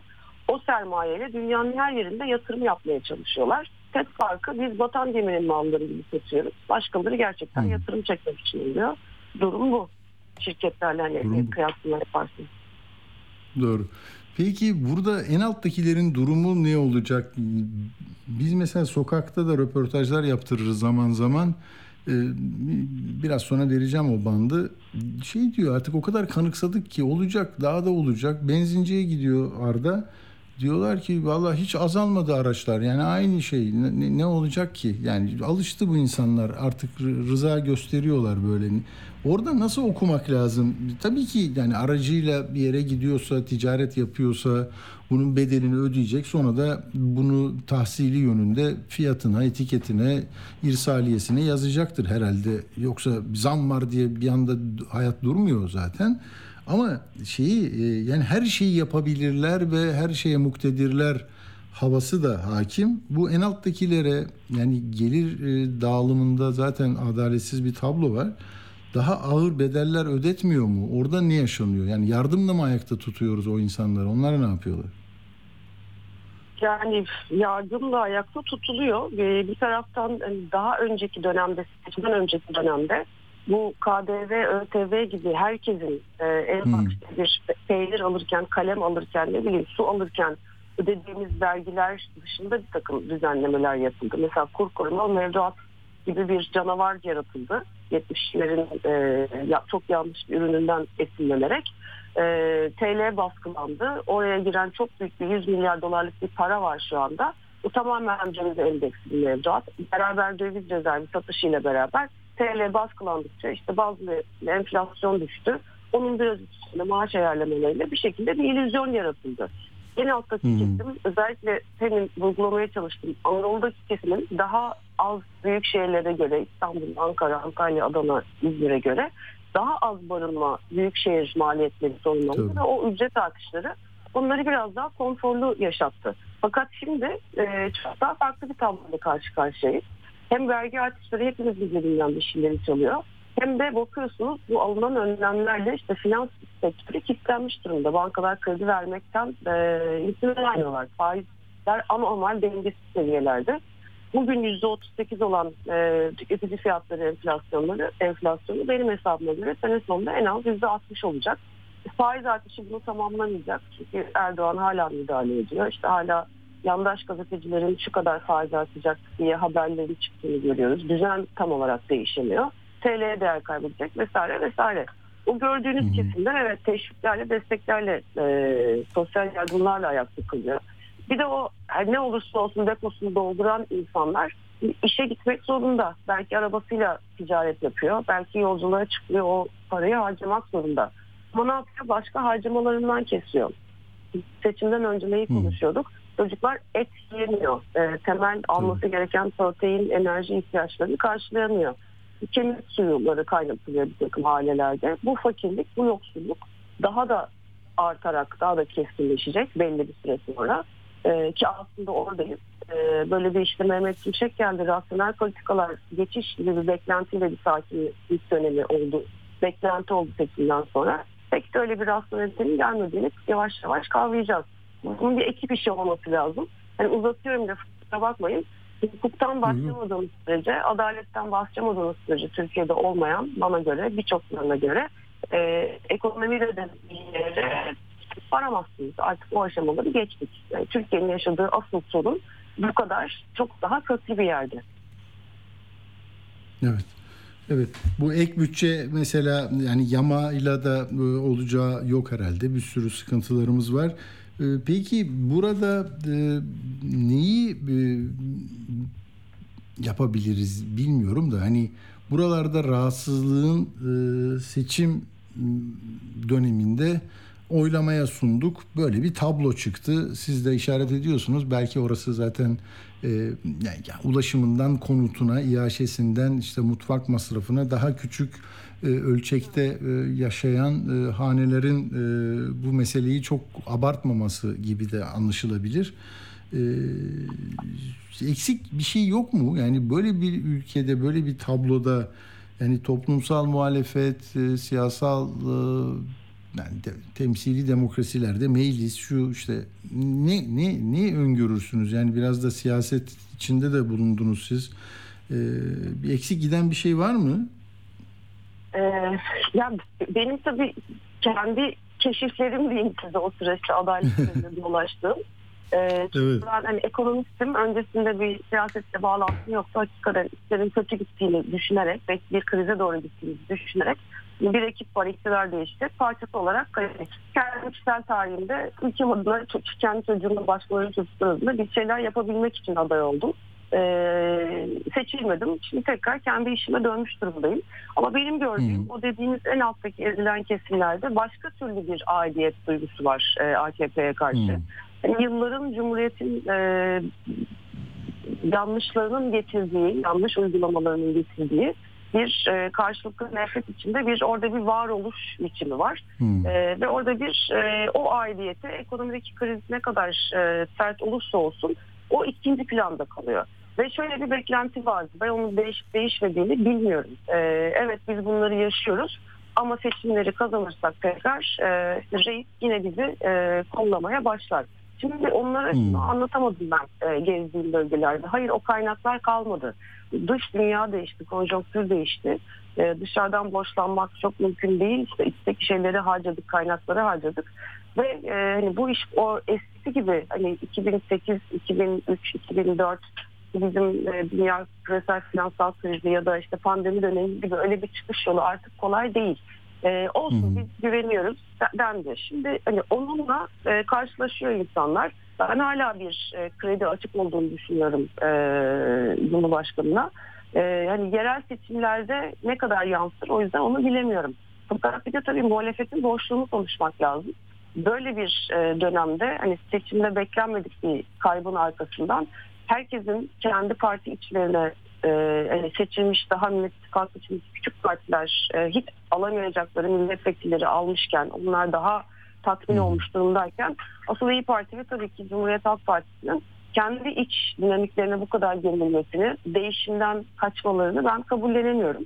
Ee, bu, bu, bu, bu böyle tam olarak toplumsal muhalefetin hani sesinin yükseltileceği, e, çeşitli sivil toplum örgütleri ve e, sendikalarla beraber hani bu işin e, sesinin yükseltilerek tepkinin ortaya konacağı bir dönemdeyiz tam da. E, işte bu eksik olduğu zaman da ekonomide ne yaşatırsanız yaşatın yerel seçimler konusunda bu ekonomik sıkıntıların yansımalarını belki de yine göremeyeceğiz dolayısıyla. Muhalefet evet. çok e, keskin çünkü. Evet o siyasette yani sonradan e, dahil olup e, gözlemlediğiniz İzmir gibi bir yerde seçmenle de temasınız oldu. O tecrübeleri başka bir e, canlı yayın konukluğunuzda dinlemek isterim hakikaten. Çünkü e, buradan da öğrenecek çok şey var. Yani sadece siyasi partiler içinde e, böyle bir e, yaşam biçimi içinde hareket edenler belki kanıksıyor birçok şeyi. Sizin gözlemleriniz de kıymetlidir diye düşünüyorum. E, zaman Çok ayırdınız bize. Çok teşekkür ediyorum e, Güldem Atabay. E, çok sağ olun. İyi yayınlar herkese dinleyenlere. değil. Sağ olun. Çok teşekkürler. Evet, e, böyle İzmir birinci bölgeden aday olmuştu Güldem Hanım. Ekonomist kendisi. Geldim, e, bir sorumlulukla hareket ettim sonra e, işime döndüm diyor. Şimdi e, Arda'nın yaptığı röportajı verelim. Gelin e, sorduk yani işte benzinciye sorduk. O benzinci de enteresan bir şey söylüyor. Vatandaşa sorduk. Bir dinleyelim bakalım ne söylüyor sokak. Arda soruyor, vatandaş anlatıyor. Merhabalar. Merhaba. Akaryakıt zamlarına baktığımız zaman motorun 32, benzinde 34'ü geçmiş durumda. Evet. Siz bir vatandaş olarak ne düşünüyorsunuz? Artık bir şey düşünemiyoruz. Araç kullanamıyoruz. O duruma geldik. Bir yere gitmek istesek yani şimdi bu tabii ki bu pompa fiyatları taksimetrelere, minibüslere, otobüslere vesairelere de yansıyacak. Bunlar da bir o kadar zamlanacak. 200 lirayla 100 kilometre yol artık yapamıyoruz neredeyse. Şehirler arası otobüs fiyatları aldı başını uçtu gitti. Uçak fiyatları aldı başını uçtu gitti. Yani her şey yükselişte. Döviz kurları da yükselişte aynı zamanda. Geçtiğimiz sene ben depomu 300-350 liraya fullerken bu sene 1700-1800 liraya fulluyorum. Bu saatten sonra ne olur ne biter? Ya Türkiye'de yaşıyoruz. Bir şeyin fiyatı yükseldiği zaman geri inmiyor hayatta. Trafiğe çıktığınız zaman araç sayısında bir azalma fark ettiniz mi? Öyle bir şey var mı? Yani zam gecesinden sonra daha fazla araç görmeye başladı. Sizce neden? Sebebi alıştı artık insanlar. Kimse bir şey için konuşmuyor, bir şey demiyor. Diyor ki zam gelmiş. Ha tamam. Zam zam neden geldi? KDV neden arttı? Yani kimse bunu sorgulamıyor. Neden böyle bir sessizlik hakim? Hiç bilmiyorum. Gerçekten hiç bilmiyorum. Böyle devam ederse her şey daha çok kötüye gidecek. Merhabalar. Merhabalar. Siz taksicisiniz. Evet. Akaryakıt fiyatlarına bakarsak ne diyorsunuz? Ne düşünüyorsunuz? Abi şu anda bizim taksimetremiz senede ortalama %30 zamlanıyor. Dün yaşadığımız enflasyon %300-400 real enflasyon. Yani rakamlara bakmadan biz kendi gördüğümüz. Arabayı 90 bin liraya aldım. Şu anda kullandığımız ticari arabaların rakamı 1 trilyon. Geçen sene yumurtanın kolisi 20 TL idi. Şu anda 80 lira. Yani bunlara baktığın zaman çalışarak fakirleştirilen bir milletiz abi. Günlük e, gündüz şoförü de 100 lira zararda. Gece şoförü de bir arabadan 200 lira zararımız var her gün. Ne olacak? Aya, aya vurduğun zaman 6 bin lira yani. Ne olacak peki? Ne olacak? Çalışarak fakirleşiyoruz abi. Çalışarak mutsuz insanlar. Çalışmayan zaten ölmüş. Merhabalar. Merhaba. Akaryakıt fiyatlarında bir artış yaşandı. Ne düşünüyorsunuz? Fiyatlar çok fahiş bir şekilde aşırı arttı. E, bu tabii ne demek? Her şeye zam demek. Her şeyin şu anda nakliyesi arttı. Haliyle bugün marketten manava, manavdan iğne iplik satan her şeye kadar şu anda zam geldi. Bu yük vatandaşın omzunda yine her zamanki gibi. Ama çalışan olarak, ama emekli olarak. Emekli olsan da evinde oturma şansın yok. Zaten hiçbir şeye aldığın para yetmiyor. Yani bugün 7500 TL dediğim bir para bir ev kirası karşılıyor. O da hasbel kadar layiyetten bir yerde 2 artı 1 ya da 1 artı 1 bir evin parası. Yani tutup da bu paraya zaten iyi bir muhitte, iyi bir semtte bu paralara oturma şansın bile yok. Devletin ya da hükümetin şu anda mesela memura, emekliye, işçiye, asgari ücrete herhangi bir şekilde zam yapmasının hiçbir önem arz etmiyor. Maaşların yükselmesi hiçbir önem arz etmiyor. Bir taraftaki artışın durması gerekiyor. Yani enflasyon dediğimiz canavarın dizgilenmesi gerekiyor ki şu anda işçiye, memura, emekliye bir zam vereceksen bu insanların eline verdiğin para bir işe yarasın. Benzin istasyonundayız. Aynı zamanda istasyonun şefiyle de görüşeceğiz. Muhammed Bey merhaba. Merhaba, kolay gelsin. Akaryakıt fiyatları arttı. Talep, Talep de arttı. talep de arttı. Talep de arttı tabii ya. Nasıl oluyor peki? Şu anda bir de artış var. Hatta yüzde on. Ben 26 senedir burada çalışıyorum. Buranın sağ amiriyim. Hatta fişlere bakıyorum. Yani giriş araba sayısına bakıyorum. Yüzde on artış var şu anda. Sebep? Sebep millette para var. Eleman bulamıyor çalışmaya bak. Gördüğünüz gibi eksik eleman çalışıyor. Şu anda şurada şu istasyona markette beraber 7 tane daha ihtiyaç eleman ihtiyacımız var. Ama gelen yok, çalışan yok. İşler yoğun. Adam bulamıyoruz. Mesela pazar günü burada olsaydın derdin ki hatta yani bir bayram arifesi tatile mi çıkıyor millet? Nereden böyle gidiyor? Derdin öyle dersin yani. Bak şimdi şey, Şekilde gördüğün gibi öyle saatlerinde de aynı yani. Fark ediyor yok. Burada başlıyoruz. Mesai bitene kadar full artı full. Anlayacağın işin kısa özü. Ben 26 yıldır buradayım. Dediğim gibi insanlarda para var. Anlatabildim mi bu? Atilla Güner'le Akşam Postası devam ediyor. Karadeniz uşağı ne diyor? İnsanlarda para var. Yani tabii böyle bir önerme ne, ne de herkeste para var tabii. Ama su alamıyorsun Hatay'da işte. Hatay'da su alacak paran yok. İstanbul'da hani bulunduğun semtteki benzin istasyonuna arabasıyla gelen bir vatandaşın da herhalde ticaret yapıyordur. Vardır. Para var yok değil ki mesele. Yani neyi paylaşıyoruz? Pasta ne kadar? En alttakiler 7500'ün altındaki maaşlarıyla nasıl yaşayacaklar, nasıl tutunacaklar hayata? Kirayı ödemedi diye dövülen yüzde 25 yapacağım devlet böyle karar aldı, parlamento bunu yaptı diyen adamı dövüyorlar. Sokağa atılan engelli insanları gördüm. Yani çöplerden ekmek toplayanları konuştu Arda. Onlar fantastik şeyler değil mi yani? Bizim şeyi bozuyor. Yani genel algıyı bozan parazit yayınlar onlar. Çünkü araba var geliyor, para var herkeste. Bak çalışacak adam yok. Bir de böyle diyorlar. Bu devlet işsizleri 4 milyon diyor, çalışacak adam yok diyor. Bilmiyorum. İşte bazen politik angajmanlar, aidiyetler, o dava gibi görüp o davanın neferi olma halleri orta yerde duran sıkıntıyı tarifte bile zorlattı, zorlanıyorsun yani. Öyle dersen böyle olur. Hani pazarda bir kadın demişti öyle. Adam önce şey diyor ya harikayız harikayız. Niye öyle diyorsun? Zaten zor alıyoruz bir şeyi demişti. E çünkü o politik bir şey diyor. Yani biz geldik gitmeyeceğiz. Biz buradayız. Yani iyi daha iyi yapan gelir diye bir şey yok. Biz buradayız ve buradan gitmiyoruz. Dert o. Şimdi biraz sonra deprem meselesi daha daha sağlıklı konutlarda oturma hakkı vardı. Bu 11 ilde 6 Şubat'ta yaşanan depremde ölenler 50 bini geçti ya. Allah rahmet eylesin. Ama ben gittim tabii ikinci gün oradaydım. Yıkılmayan, hafif hasarla insanlara dışarı çıkma imkanı tanıyan binalar da vardı. Çökenlerin yanı başında. Onlar usule uygun yapılmıştı. Affedilmeyenlerdendi.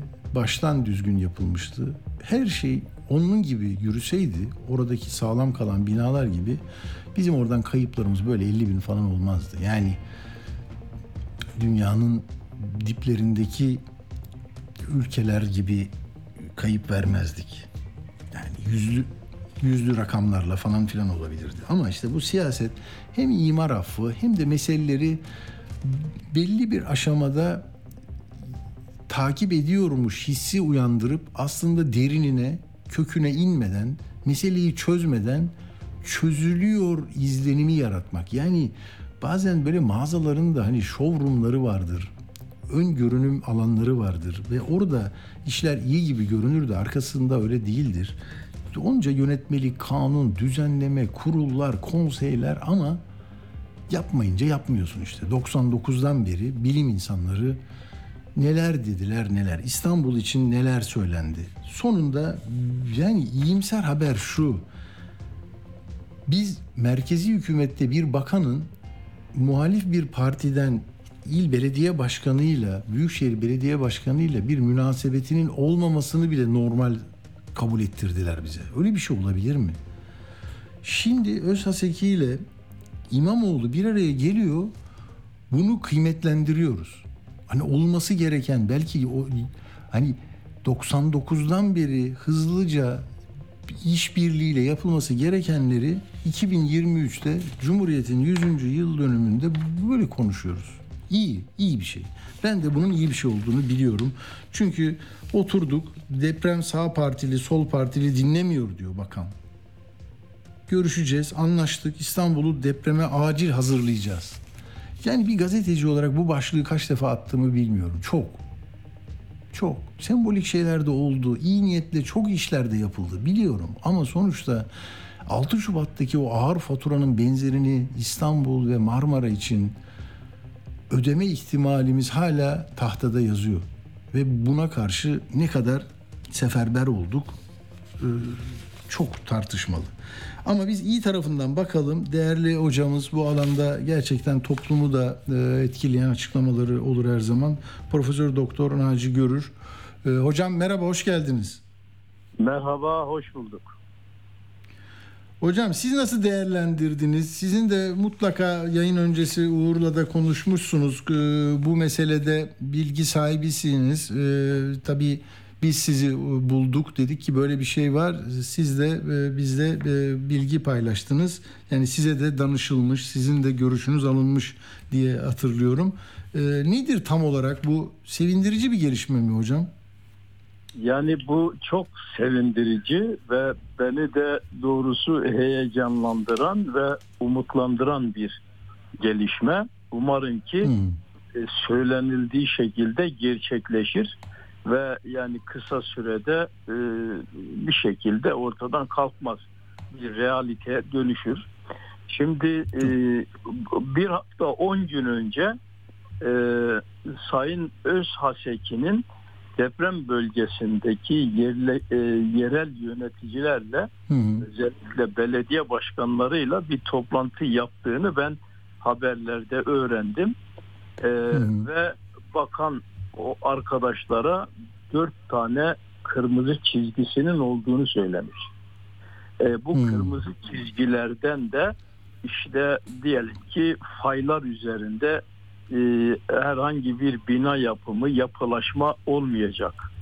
E, sıvılaşma Hmm, hmm. bölgelerinde, sıvılaşma bölgelerinde bina yapımı olmayacak. Özellikle depremle ilgili altyapı ve yapıda sıfır tolerans gösterilecek gibi böyle hı. e, kırmızı çizgiler e, saymış. Tabii Evet. onu ben e, duyunca e, Twitter'dan e, bir e, mesaj yazdım. Gerçekten Hı hı. bakanı kutladım. Bu çok sevindirici bir şey.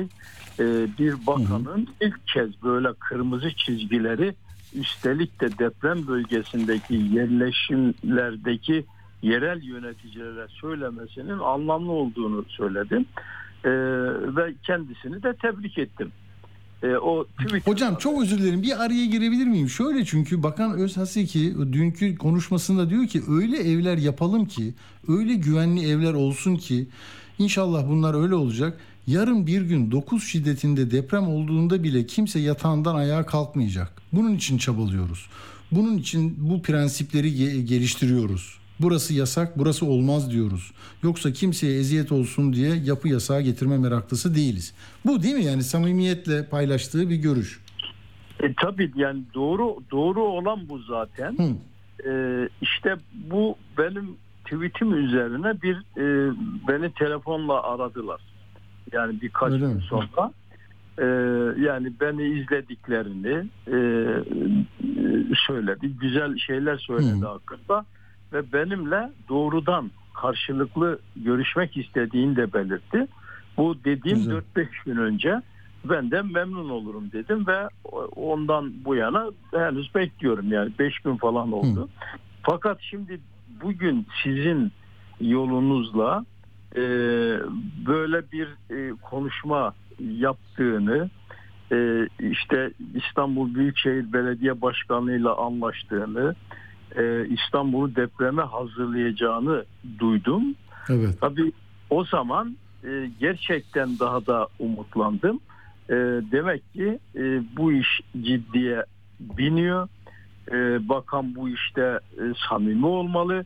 Çünkü hem e, yerel yöneticilerle konuşması hem bilahare bizimle konuşması arkasından da bu sizin verdiğiniz haber e, İstanbul'u depreme hazırlama noktası yani ilk kez bakın açık söylüyorum 99'dan bu yana o kadar e, uyarılarımıza, o kadar söylemlerimize ilk kez bir devlet büyüğü diyelim, hükümet yetkilisi e, çok net olarak cevap veriyor ve bizlerin öngördüğü doğrultuda benzer şeyleri söylüyor. Bu gerçekten cesaret verici. Çünkü Çok. hatırlarsanız biz e, Maraş depremlerinden önce o bölgeyi çok. Hiçbir şekilde ne hükümetten ne yerel yönetimden en ufak bir şekilde duyulduğumuza dair hiçbir e, tepki alamadık. Ama Tabii. demek ki bu 6 Şubat depremlerinden sonra ilk kez söylediğimiz duyuluyor. Ve Mesela bu geç olsa da hocam geç olsa da e, iyi bir şey değil mi? Yani daha önce olsaydı kim bilir ne hayatları kurtarmış olacaktık ama. E, kesinlikle yani en azından bakın İstanbul'u konuş, konuşsak 25 Tabii. senedir yaklaşık biz İstanbul'u depreme hazırlamıştık. Yani sırf Hmm. lafla değil yani böyle Tabii. laf olsun diye söylenmemiş bir sözse ve gerçekten denildiği gibi devlet, millet ve yerel yönetim el birliğiyle, güç birliğiyle siyaset üstü ve devlet politikası şeklinde bu işi yapmış olsaydı biz bugün İstanbul'da depremi artık deprem hasarlarını çok ciddiye alıp konuşmazdık. Ve hatta bakın eğer biz Elazığ depreminden sonra 24 Ocak 2020'de biz Maraş'a dikkat edin diye uyarılarımıza dikkat edilseydi 99'da da aynı şekilde söylüyorduk. Bugün Maraş'ta on binlerce insanımızı bir gecede toprağa gömmezdik. Yani e, bunun başka bir yolu da yok. Siz konuşup söyleyebilirsiniz. Farklı yorumlar yapabilirsiniz ama öyle değil. Bilim dünyası Maraş'a dikkat, Hatay'a dikkat, Adıyaman'a dikkat, Diyarbakır'a dikkat diye çırpınıyorsa sürekli de buralara büyük depremin geleceği söyleniyorsa ülkede yerel yönetimlerde hükümet varsa hatta muhalefet varsa bu kadar kayıp kabul edilebilir bir şey değil. Böyle olmazdı. Eğer diye alınıp deprem için gerekli önlemler alınsaydı yerleşim alanlarımız deprem dirençli yapılsaydı. Bugün Sayın Bakan'ın dediği gibi. Çok önemli. Yani burada depremin o çok e, yani az görülür cinsten olması, asrın e, felaketine yol açtı denilmesi e, bir yana bir, bir orada kaybın 50 bin olması, 50 bin e, canımızı kaybetmemizin e, makul, anlaşılır olduğunu göstermiyor bence de. Yani ben de hemen sonra gittiğimde o binaların bir kısmı niye ayakta, niye oradaki insanlar yürüyerek çıktılar da diğerleri hayatını kaybetti? Yani değil mi? Bunun insan eliyle, bilimin eliyle, yönetimlerin Ankara, İstanbul neyse deprem bölgesi el birliğiyle bunu değiştirebilirdik biz. Ben hep öyle düşünüyorum. Hak, doğru mu hocam? Yani bu, bu ölümler kaçınılmazdı diye bir sonuç olamaz yani. Hayır hayır bak şimdi bu kaldı ki görülmeyen bir şey değildi. Elbette ki Evet. 7.7 7.6 9 e, saat Çok. arayla büyük bir deprem. O bölgede olması. Bunu hiç kimse yatsıyamaz. Yani bu doğru.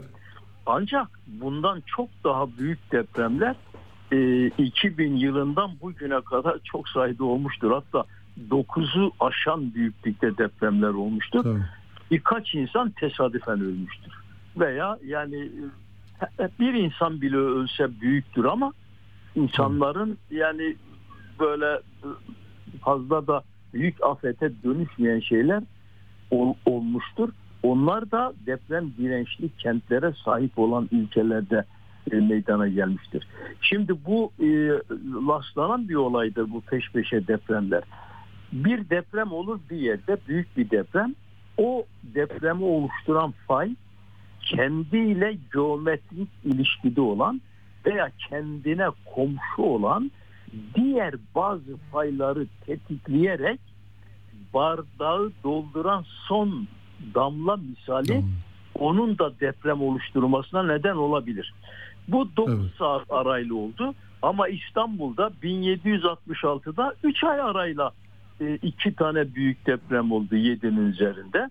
E, Düzce'de e, Düzce işte 99 depremi Değirmendere'de oldu. Düzce'de Kasım'da oldu yani biri Ağustos. Evet, o da 3 aya yakın. Yani oluyor.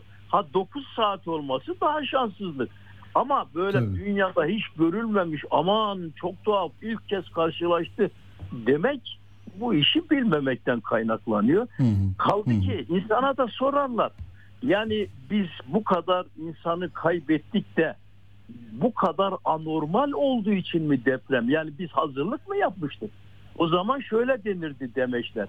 Biz elimizden gelen her şeyi yaptık ama ne yaparsın ki dünyada ilk olan bir şey oldu. Dolayısıyla sonuç bu dersiniz. E, hiçbir hazırlığın yapılmadığını biz zaten gördük. Hazreti öyle oldu böyle oldu. Ne fark eder ki yani? Doğru, doğru. Hocam, e, değerli hocamız Naci Görür'le konuşuyoruz. Şimdi tekrar İstanbul'a ben konuyu getireceğim. Bir bakıyorum bir 10 dakikamız daha var. Yeterli bir süre. Şimdi e, Sayın Bakan Özhaseki ile e, bir de Sayın İmamoğlu'nun konuşmalarından bu mevzuyla ilgili küçücük bir bölüm dinleteceğim. Hem dinleyicilere hem de siz de e, katılırsınız bize. Daha sonra hani İstanbul'da tehlike ne? Mesela sizin daha önceki demeçlerinizden ben baktım notlar çıkardım. Hani 48 bin bina meselesini e, en azından hani bu, bu, bu bunu kaybedersek kaç bin kişimizi kaybedeceğiz? Diyorsunuz. Bakan ne diyor ve bundan sonra bugünden itibaren nelere acil olarak e, el atmamız gerekiyor onu konuşacağız. Önce e, bakan ve başkanı bir dinleyelim. Geçenlerde Ekrem Bey geldi. Ona da söyledim. Size lütfen katılın dedim. Çünkü deprem partili dinlemiyor. Sağ partili, sol partili dinlemiyor. En sevdiklerinizi alıp götürüyor. Böyle bir yerde bizim sorumluluğumuzun olduğu yerde particilik yapamayız. Bunu konuşamayız. Siyaset buralara girmemesi lazım. ilişmemesi lazım. O yüzden de onunla da prensipte anlaştık. Bu projelerimiz hususunda arkadaşlar destek de verecekler. Onlar da katkıda bulunacaklar. Beraberce bir çalışma ortaya koyacağız ve sonra da topluma bunu anlatacağız. 150 bin konut civarında Anadolu yakasında, 200 bin konut civarında İstanbul yakasında benim hazırladığım yerler var. İstanbul'da depremle ilgili başta dönüşüm olmak üzere e, birçok konuda verimli bir sohbet yaptık Çevre Şehircilik Bakanımız Sayın Özaseki ile ve bu konuda bazı prensip kararları aldık. İşbirliğimizi en üst seviyede e, geliştireceğimizi ve hatta depremle ilgili süreçlerin tek elden bir sistemle yönetilmesi konusunda bir deprem konseyi, deprem kurulu e, tariflemesiyle bir önerimiz olduğunu kendilerine ilettim. Çoklu kurumların bu konuda yetkili olmasının başta İstanbul olmak üzere dönem dönem kaos yarattığını, bir işbirliği içerisinde bütünlükçü bir sistemle ve şeffaf ve aynı zamanda halkın ve sivil toplum kuruluşlarında katılımıyla bir modelin İstanbul'a ve hatta kapsayıcı bir biçimde Marmara'ya çok büyük fırsatlar sunacağını ifade ettik. Buna büyük ilgi gösterdi. Olumlu bir uzlaşmayla ayrıldık. Evet bu e, İstanbul'un Türkiye'nin lehine bir tablonun sesleriydi. Ne diyorsunuz hocam? Şimdi bence bu çok doğru. Baştan beri olması gereken buydu. Yani hükümet olmadan İstanbul, İstanbul Belediyesi olmadan hükümet sadece bir kenti veya İstanbul'u deprem dirençli hale getiremez. Bu Getiremez. kesin. Ee, ve bu işin içine halkı da sokmak gerekir. Bu yapılıyor. Bence doğru olan budur. Bütün dünyada başarılı bir şekilde kenti depreme dayanıklı hale getirme ancak bu yöntemle olmuştur. Yani umarım ki Türkiye'nin ekonomisi ve siyasi irade bu işi benimser ve o ekonomik gücümüz de yeterli olur. Ülkenin bazı projelerinden vazgeçerek veya o proje Hmm. sayılarını ve ağırlıklarını azaltarak bu projeye Mesela ben buradan Kanal İstanbul'u anladım hocam doğru mu? ya her neyse bu özel yani ben şunu diyorum. Televizyonda şunu diyorum. Kanal İstanbul'u unutacaksın. Az yol yapacaksın. Az köprü yapacaksın. Hmm. Yani ne bileyim ben o tür yapıları bu hiç yapmayacaksın demiyorum. Mümkün Tabii. olduğunca onları belli bir plan içinde yaparken insanların milyonlarca insanın can güvenliğinin tehdit edildiği bir işi bir an önce yapacaksın. Devletin birinci görevi budur. Şimdi Doğru. bu yapılan anlaşma doğrudur ve böyle giderse bu iş başarılır. Bu da İstanbul için bence büyük bir müjdedir. Ee, hem bakanımızı hem belediye başkanımızı kutluyorum.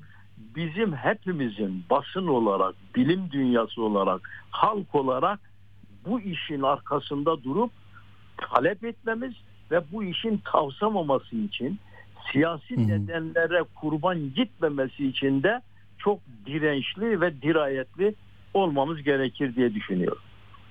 Çok güzel. E, biz de hep bunu e, canlı e, tutmamız lazım, diri tutmamız lazım. Çok doğru hocam. Peki İstanbul'da mesela 150 bin Anadolu, 200 bin de şey İstanbul yakasında hazırladığımız rezerv alanlar var.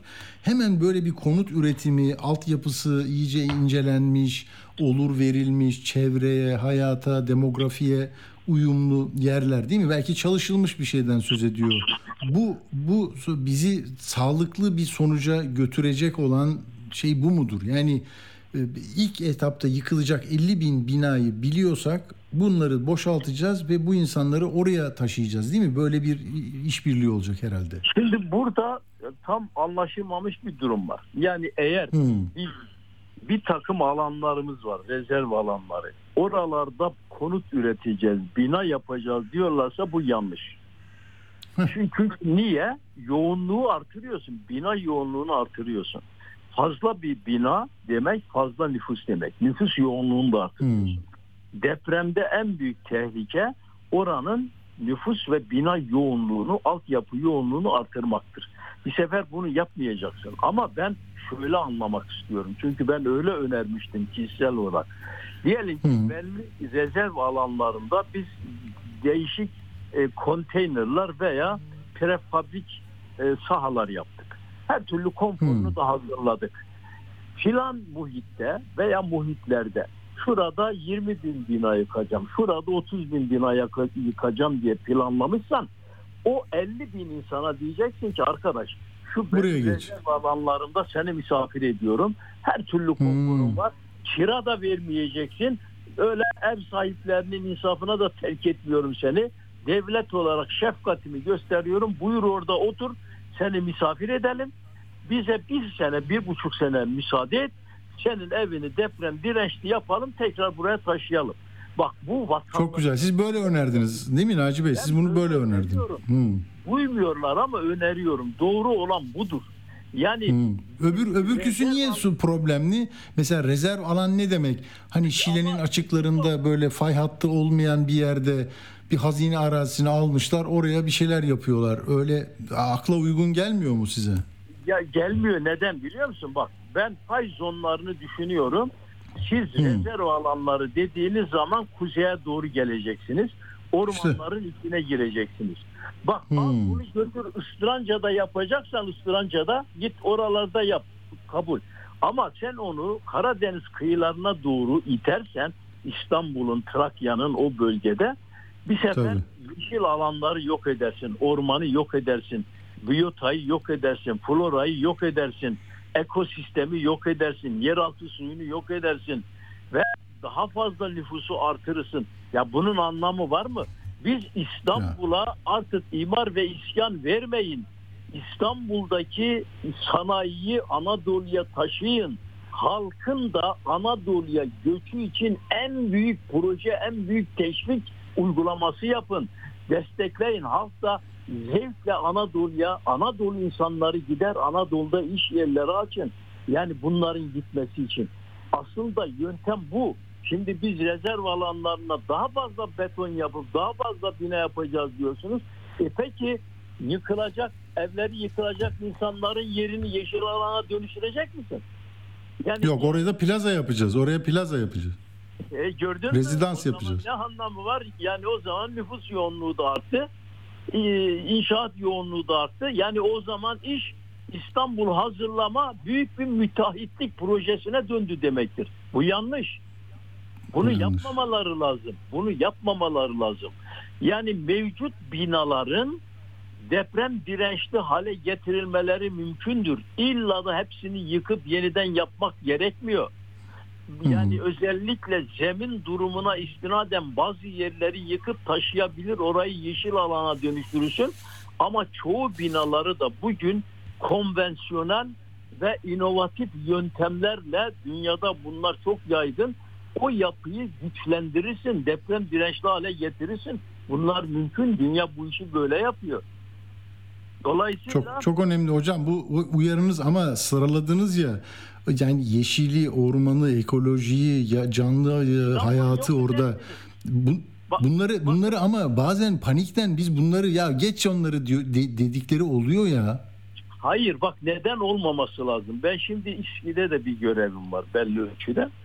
Şimdi İstanbul bugün nüfusu artıyor. İstanbul ve bölge müthiş bir şekilde susuzlaşıyor. Su kaybediyor. Su. Bir, bu iklim değişiminden dolayı inan inanma sen her tarafı baraj doldur. Barajlarda bile su kayboluyor, tükeniyor. Barajdaki suyu vatandaşa vermesen bile buharlaşmayla o su azalıyor.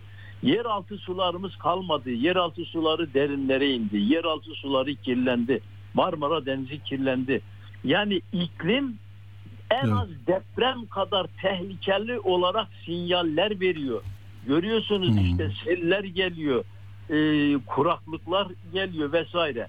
E sen tarım arazilerini belli ölçüde kullanıp yeraltı suyunu vesairesini çok yani dikkatli planlamak gerekirken hovardaca bunları hazır, hazırlarsan tarım arazilerini, ormanları, yeşil alanlarını, su üreten yerleri böyle heba edersen yarın deprem öldürmez bu sefer susuzluk insanı öldürür.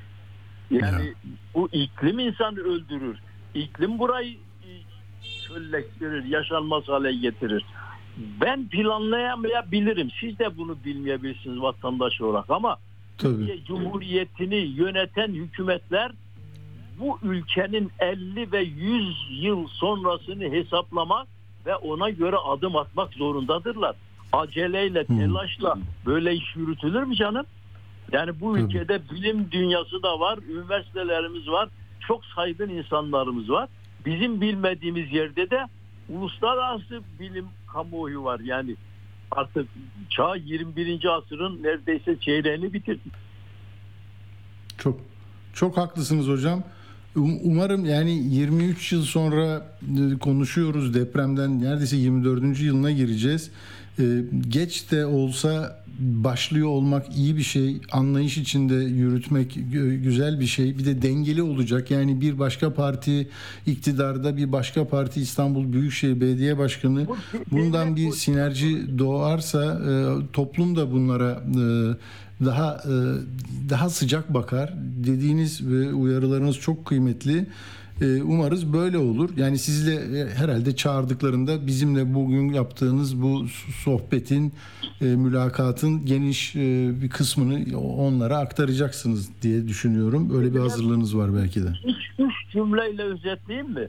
Yani Tabii son 4 dakikada sizin hocam buyurun. Ha, beni çağıran yok ama çağırırlarsa söylerim. Şimdi bir kenti, bir kenti deprem dirençli hale getireceksen bir sefer o kentsel dönüşüm değil. O müteahhit projesine kayıyor. Onu geçelim. Şimdi bir yönetim sistemini, iki halkı, üçü, üçüncüsü altyapıyı, dördüncüsü yapı stokunu, beşincisi çevreyi ve ekosistemi, altıncısı ise ekonomiyi. Yani o kentin ekonomisini deprem dirençli yapacaksın. Bunlardan birini yapmazsan o kent yaşanılır depreme karşı ayakta durulur olmaz. Bak bugün Güney, Güneydoğu'daki deprem bölgeye bak. Var mı orada e, ekonomi? Göçtü. Ekonominin çarkları durdu. İnsanlar 50 binin üzerinde öldü. Altyapı tamamen tahrip oldu. Ne kanalizasyon var, ne içme suyu var, ne yol var, ne köprü var, ne havaalanı var. Bitti tamamen. Yani binalar, yapı stoku yerle bir. Çevre tamamen hastalıktan, fareden, böcekten geçilmiyor. Sebebi bütün o e, molozları götürüp belli yerlere uluslararası kaydelerin dışında e, biriktirdik, üzerini örttük. Hastalık ve ileride kanserojen vesaire e, yoluyla gelen hastalık uzun dönemde yine insanları öldürmeye devam edecek. Yani bir kent bütüncül olarak, bütüncül olarak deprem hazırlandı. Bu saydığım altı parametreyi ciddiye alacaksın. İstanbul'da bütün kanalizasyon sistemi, içme suyu sistemi, yol, su, elektrik o çökse evin yıkılmasa ne olur ki yani? Burada mı yaşayabilir misin? Yani böyle şey olabilir mi? Ya. Çevre tamamen kirli, yaşanmaz hale gelmişse nasıl yaşayacaksın ki varsa, varsa ki ev yıkılmadı, depremde ölmedin. Başka türlü ölürsün, hastalıktan ölürsün. Şimdi dolayısıyla bu altı parametre doğrultusunda yapmak lazım. Sayın Bakan'ın gösterdiği irade eğer bu gerçekten bugünkü hükümetin iradesi ise yani daha yetkili makamlar bunu bir şekilde siyasete vesaireye şova mova vesaireye yönlendirir bu işin tadını kaçırır yine bildiğimiz usulden ziyade rastgele bir takım şekle dönüşürse bu en büyük umut kırıcı olur. Bu sefer artık biz düzelmeyiz diye biz yani böyle bir karamsarlığa kapılırız. Ama eğer bakan gerçekten hükümetin fikrini yansıtıyor ve siyasi iradenin en yetkilisi de bu inançtaysa, bu tavırdaysa bu yapılan en doğrudur. Alınan karar da en doğrudur. Özellikle belediye ile birlikte çünkü belediye zaten en büyük problemi deprem olarak ilan etmiştir. Baştan beri de öyle bir çalışmanın içindedir. O zaman biz İstanbul'u 10-15 sene sürmeyebilir çünkü İstanbul'da sıfırdan başlamıyoruz. Çok şey yapılmış. Valilik Tabii. dünya kadar hazırlık yapmış. Okullar, hastaneler, viyadükler, köprüler. Yani inanılmaz bir hazırlığımız da bizim daha önceden olmuş. Dolayısıyla biz kısa zamanda İstanbul'u depreme hazırlarız. Beklediğimiz deprem İstanbul'u vurduğu zaman da çok minimize kayıplarla atlatırız. İnsanlarımız ölmez, insanlarımıza güven gelir. Sadece İstanbul değil, bütün Türkiye'ye bu örnek olur bu uygulama. Çünkü benim ülkemin her karışı deprem kenti ya. Nerede uyanırsan uyan, Doğru. günün birinde binlerce insan kaybedebiliriz. Doğru. Hocam çok önemli, e, çok değerli bir e, söyleşi oldu. Profesör Doktor Naci Görür. Çok teşekkür ediyorum. E, Biz de bu meseleyi gazeteci olarak takip edeceğiz. Sağ olun efendim katıldığınız için, aydınlattığınız için. Hiç unutmayalım. Bakanın dediği Peki. doğru. Göçük altından bu AK Partili, bu CHP'li, bu MHP'li diye çıkarmıyoruz. Kendi insanımızı, canlarımızı çıkartmak durumunda kalıyoruz. Bunlar Doğru. artık olmasın. Peki. Biz de e, bunu diliyoruz. E, Hocam çok çok teşekkür ediyorum. Sağ olun katıldığınız için. Rica ederim. Rica ederim. İyi akşamlar. Evet bizim süremiz de sona erdi. Şimdi haberlere gideceğiz. Ee, voleybolcular gelmiş. Onları bir kez daha havalimanında karşılayan o güzel insanları da sevgiyle selamlıyorum. Ee, oradaki kızlarımızla ilgili ileri geri konuşan e, işte e, E- Ebrar'a laf edenler de e, yok sayın gitsin ya. İyi akşamlar. Atilla Güner'le Akşam Postası sona erdi.